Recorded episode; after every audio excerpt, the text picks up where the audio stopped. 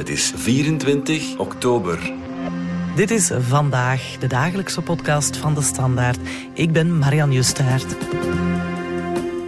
We moeten het eens over Ursula von der Leyen hebben, de voorzitter van de Europese Commissie, zeg maar een beetje de baas van de EU. Waar ze een verenigd Europa moest tonen in reactie op het extreme geweld in het Midden-Oosten, leek ze vooral de EU uit verband te spelen. Wat zegt dit over haar, haar ambities en de relaties met die andere top-Europeaan, Charles Michel?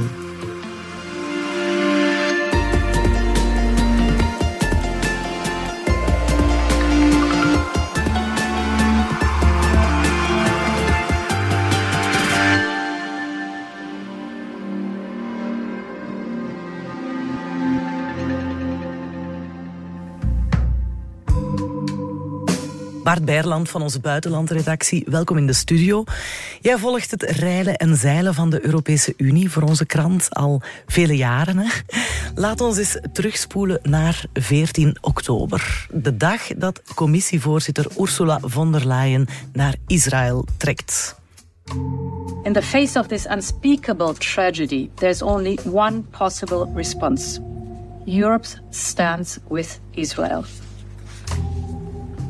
And Israel has the right to defend itself. In fact, it has the duty to defend its people. Ze gaat daar om haar eh, medeleven te betuigen natuurlijk met de Israëli's na die vreselijke aanslag van de terreurbeweging Hamas. Op zich is daar geen probleem mee. Ze heeft een ontmoeting met uh, de premier, Netanyahu, met de president, Herzog. Allemaal geen probleem, want zoals haar woordvoerder zegt, Ursula heeft het recht om te gaan en te reizen waar zij wil. Maar natuurlijk moet zij het standpunt van de Europese Unie uitdragen. En daar is het dus verkeerd gelopen. Want een week voordien had Borrell, minister van Buitenlandse Zaken van de EU, die was er dus in geslaagd met heel veel moeite om een standpunt uh, rond te krijgen van de ministers van Buitenlandse Zaken. Zeggende, Israël heeft het recht om zichzelf te verdedigen, maar moet daarbij het internationaal recht en het internationaal humanitair recht respecteren. Het probleem is dus, Ursula komt daar in Israël en zet een punt achter Israël heeft het recht om zichzelf te verdedigen. En vergeet dus het tweede deel. En dat heeft dus geleid tot heel zure en, en uh, boze reacties. Ja, ja, ja. Uh, binnen de Europese Unie, maar dus ook natuurlijk bij de Palestijnen in de Arabische wereld. Ja, ja, ja, want zij interpreteerde dat natuurlijk als Israël heeft het recht om wraak te nemen. Om wraak te nemen of om erin te vliegen, om het zo te zeggen. Hè? En daarbij minder attent te zijn voor het lot van die burgers. Ja, ja. Waarom deed zij dat, Bart? Was dat een bewuste zet? Ursula von der Leyen doet niks onbewust. Hè? Waarom doet zij dat?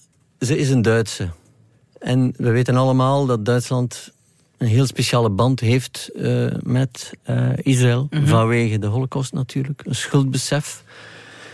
Merkel heeft dat ooit in de Knesset gezegd, dus in het Israëlisch parlement, van wij zijn voor altijd verbonden met elkaar. Dus zij is Duits, zij denkt Duits. They aim to eradicate Jewish life from the land and they took action. This is the most heinous assault against Jews since the Holocaust. We thought this could never happen again, yet it did. Het probleem is dat de commissievoorzitter daar eigenlijk het Europese standpunt moet vertolken. Ze heeft dat niet gedaan. Waarom niet? Een van de mogelijke verklaringen is, ze zit op haar kabinet ook omringd door landgenoten. Haar kabinetchef is een Duitser die ze meegebracht heeft van toen ze minister van uh, Defensie was in Duitsland. Haar woordvoerder is uh, een Duitser. Dus je zit daar in een, in een bubbel, om zo te zeggen. En er is blijkbaar niemand die uh, haar ja, ja. terecht gewezen ja. heeft vooraf, verwittigd heeft vooraf van doe dat niet. Probeer dat evenwicht, dat heel broos is, probeer dat te behouden. Te Bovendien, en dat is wel heel kwalijk, heeft ze nog Borrell, onze minister van Buitenlandse Zaken, nog Charles Michel verwittigd vooraf dat ze het vliegtuig ging nemen naar Israël. Mm -hmm. Oké, okay. ja, ja. Dus ja. ze speelde daar wel degelijk solo ze slim. Ze speelt daar solo slim. Ja, niet Met het gevolg dat Charles Michel ook op zijn tenen was getrapt. Ja, want ja. de Europese leiders zetten de grote lijnen uit. De ministers van Buitenlandse Zaken vertolken dat in een standpunt. En Ursula mag gaan en staan waar ze wil, maar ze moet dat standpunt vertolken. En dat heeft ze niet gedaan. Michel liet zich niet doen, want amper een paar dagen later bekritiseerde hij openlijk de wraakacties van Israël op de Palestijnen in de Gazastrook.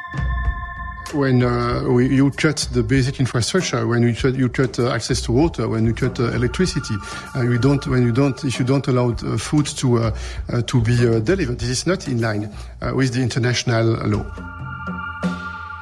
Over de verhouding tussen Ursula von der Leyen en Charles Michel gaan we het zeker nog hebben later deze podcast, want daar valt ook nog heel veel over te zeggen. maar we blijven nog heel even bij het Midden-Oosten, want wat maakt nu dat men daar zo kwaad op reageerde? Het probleem is dat binnen de Europese Unie heb je 27 landen. En onder die 27 zijn er landen die eerder pro-Israëlisch zijn. Zoals Tsjechië, Oostenrijk, Duitsland, Hongarije. Mhm. En je hebt ook landen, lidstaten die pro-Palestijns eerder zijn. Zoals Ierland of Luxemburg. En ook België zit daar soms ook een beetje bij. Hè? Dus je moet dat compromis dat je daar met moeite smeet, moet je dus proberen te bewaren. Vooral omdat, en dat valt eigenlijk zwaar tegen, maar de Europese Unie heeft altijd de ambitie om te bemiddelen tussen de twee, om een soort vredesapostel te zijn. Ook al nog eens heeft dat heel weinig succes. Maar dus we zijn heel sterk bevriend met Israël.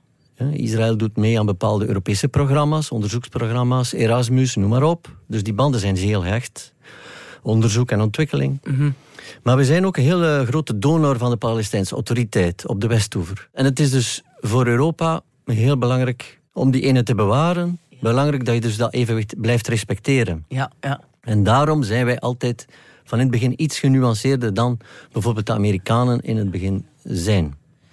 Ja, als we dat niet doen, als we dat evenwicht niet behouden, worden we natuurlijk ook kwetsbaar voor kritiek mhm. vanuit bijvoorbeeld de Arabische wereld, dat we twee maten en gewichten hanteren. Maar kijk maar naar Oekraïne.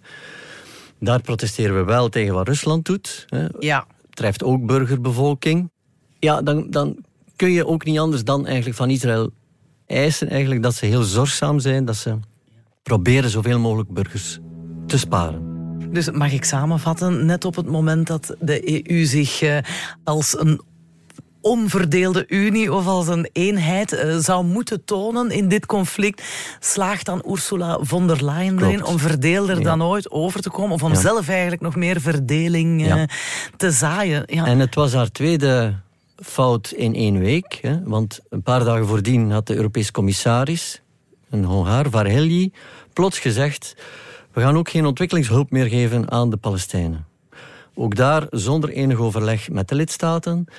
Het is niet echt duidelijk of Ursula daarvan op de hoogte was of niet. Zij zegt van niet, hij heeft het alleen gedaan. Maar goed, dat is dus ook heel slecht gevallen in die Arabische wereld. Het heeft dan een hele namiddag gekost voor de uh, commissie zich daaruit heeft gered. Ja. Dus het is die opeenstapeling van fouten eigenlijk, die maakte dat ze voor het eerst echt heel felle kritiek heeft gekregen. Ja, en uh, hebben ze ook nu aan damage control gedaan vanuit uh, Europa? Ja, inderdaad onder leiding van Charles Michel, dus de voorzitter van de Europese mm Raad, zowaar. Die dus een speciale Europese Raad heeft bijeengeroepen om dus eigenlijk een beetje de orde te herstellen. Ook indirect om eh, een tik uit te delen op de vingers van Van der Leyen. Door te herbevestigen op die manier van het zijn de leiders die de lijnen uitzetten, het zijn de ministers van Buitenlandse Zaken die de positie vastleggen en jij zult nu ook luisteren. Ladies and gentlemen, the Union has always been and must always be a steadfast advocate for peace and respect for international law, as in the case of Russia's war of aggression against Ukraine. We must address all these urgent challenges together in unity, in line with the treaties and with our fundamental values. Again, our unity is our strength We weten allemaal dat die relaties heel gevoelig liggen tussen die twee. Het was zelfs heel belachelijk. Dus op een bepaald moment is er herdenking voor het Europees Parlement als steun voor Israël, waar Ursula von der Leyen aanwezig zijn, Charles Michel en Roberta Metsola, de voorzitter van het Europees Parlement. Wat gebeurt er nu?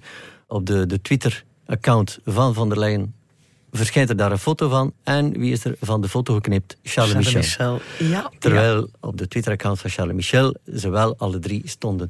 En dat is een beetje belachelijk aan het worden, want uh, ja, Ursula uh... van der Leyen schermt ook altijd met wij zijn Team Europe. wij moeten samen optrekken en samen geopolitiek wegen in de wereld. En dan dit soort kinderachtigheden. Ja. En het begint echt wel, ook in Brussel, tot uh, ergernissen te ergernis leiden, en ja, onbegrip te leiden. Iemand zei, het is echt een, een, een kindercrash aan het Ja. worden. En dit moet stoppen, want dit is gewoon kwalijk. Om het even heel helder te krijgen. Hè. Zij zijn dan Team Europe, de twee belangrijkste personen in Klopt. die Unie. De voorzitter van de commissie, de voorzitter van de Raad, de Europese Raad. Maar is daar een hiërarchie in? Wie is belangrijker dan wie? Of wie heeft meer Dat is macht heel moeilijk te zeggen. Ehm, je zou kunnen zeggen, in zaken buitenlands beleid staat Charles Michel iets hoger. Mhm. Hij vertegenwoordigt dus, zoals gezegd, eigenlijk de, die, die leiders. Zij zetten de grote lijnen uit. Mhm. Maar het geld en, echt de machinerie Ja. zit eigenlijk wel bij von der Leyen. En dat verklaart ook die machtsstrijd nu tussen die Ja. twee. Ja, nu moet ik zelf zeggen, toen ik eh, de foto zag waar Charles Michel was afgeknipt, oké, het is kinderachtig, het Mhm. is echt flauw dat dat op zo'n niveau op die manier wordt gespeeld. Toch vond ik het, misschien is dat omdat ik een vrouw ben, ergens ook wel eh, een beetje zoete wraak voor de zogenaamde sofa-gates eh, van een tijdje geleden, toen Charles Michel voor zichzelf een zetel voorzien had en geen enkele stoel voor Ursula von der Leyen. Ja, dat was bij een bezoek bij Erdogan. Dat was pijnlijk, maar als je dat twee jaar later nog blijft uitspelen, dan wordt het natuurlijk ook wel een beetje pijnlijk. Ja, ook weer waar. Ja. We gaan er even uit voor een belangrijke boodschap. En daarna hebben we het nog over hoe hard Ursula von der Leyen zichzelf en de Europese Unie mogelijk beschadigd heeft. Beste podcastluisteraar. Op de redactie van De Standaard werken wij enthousiast aan onze podcasts om jou elke dag een sterk audioverhaal te kunnen brengen. Omdat we onze podcasts altijd verder willen verbeteren, luisteren we ook graag naar jou. Wat vind jij van onze podcasts? En hoe kunnen we die nog interessanter maken? Wil je graag deelnemen aan een van de gesprekken die we hierover binnenkort organiseren? Surf dan naar standaard.be-ik praat graag mee, laat daar je gegevens achter en wie weet, tot binnenkort.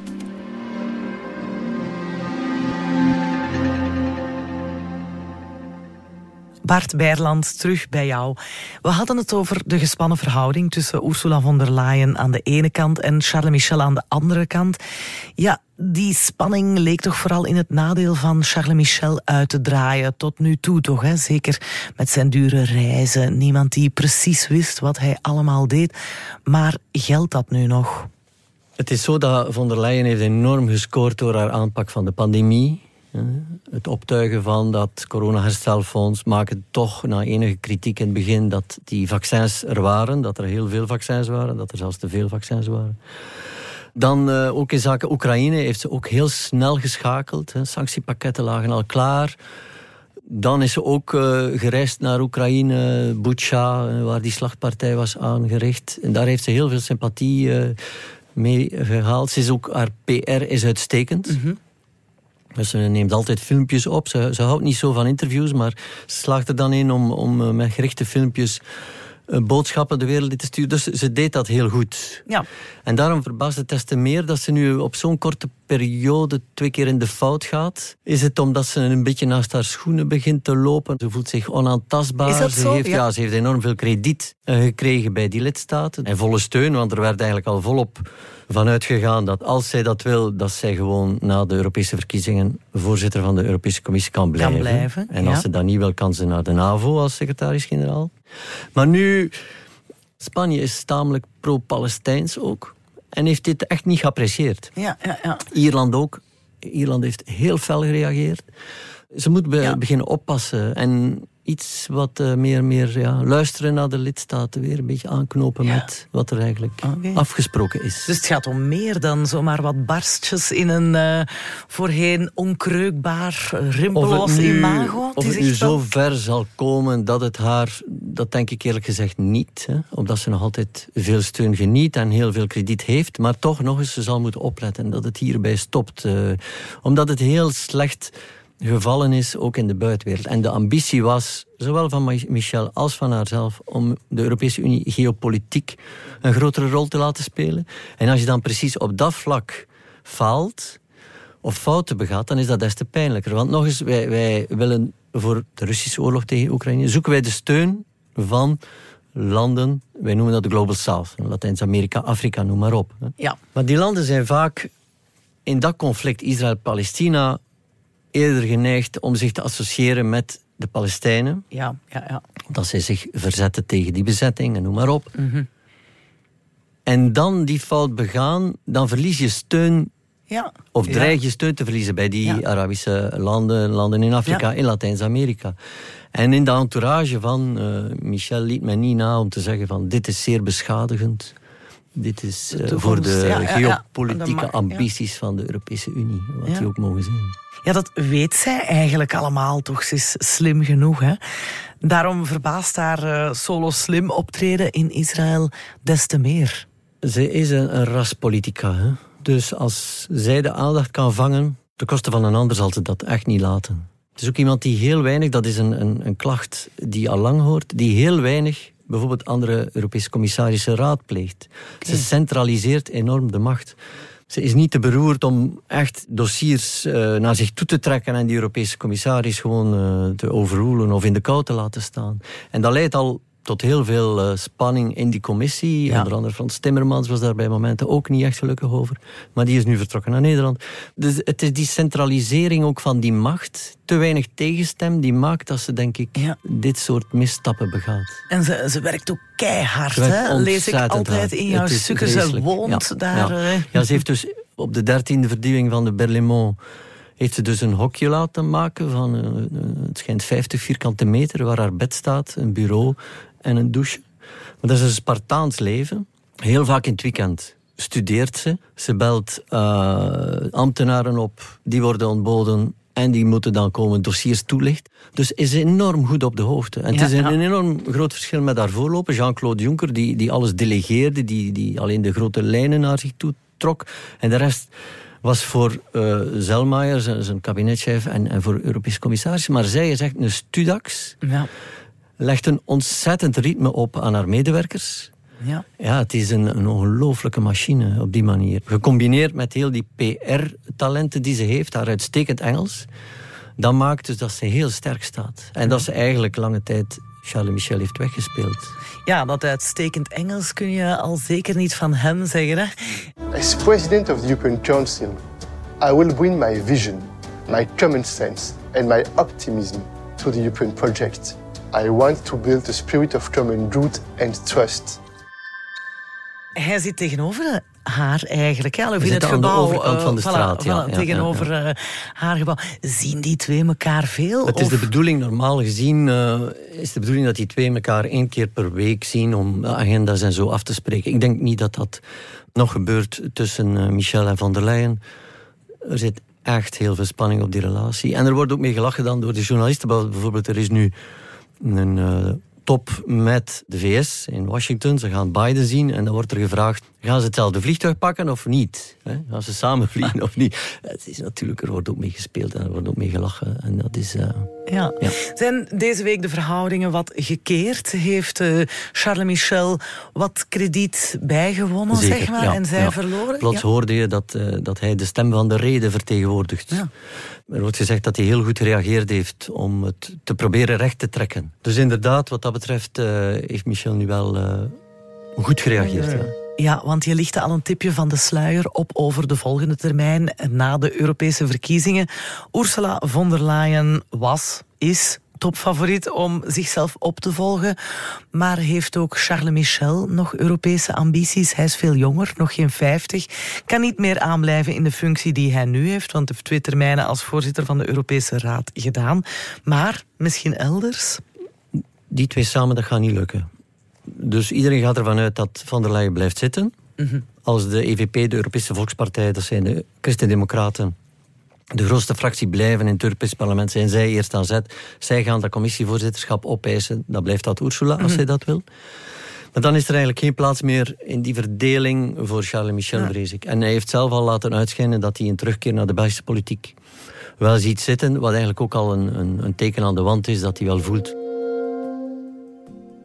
Mag ik concluderen dat zij hier mee wegkomt, ook al is het allemaal heel ongelukkig gebeurd? Of zal ze toch nog door het stof moeten? Ik denk wel dat ze hiermee wegkomt. Als ze geen flaters meer begaat, dan... eh, ja, de verkiezingen zijn nog veraf, juni volgend jaar. We blijven het volgen. Bart Beierland, hartelijk bedankt. Graag gedaan. Dit was vandaag de dagelijkse podcast van de Standaard. Bedankt voor het luisteren. Alle credits van de podcast die je net hoorde vind je op standaard.be-podcast. Reageren kan op podcast.standaard.be.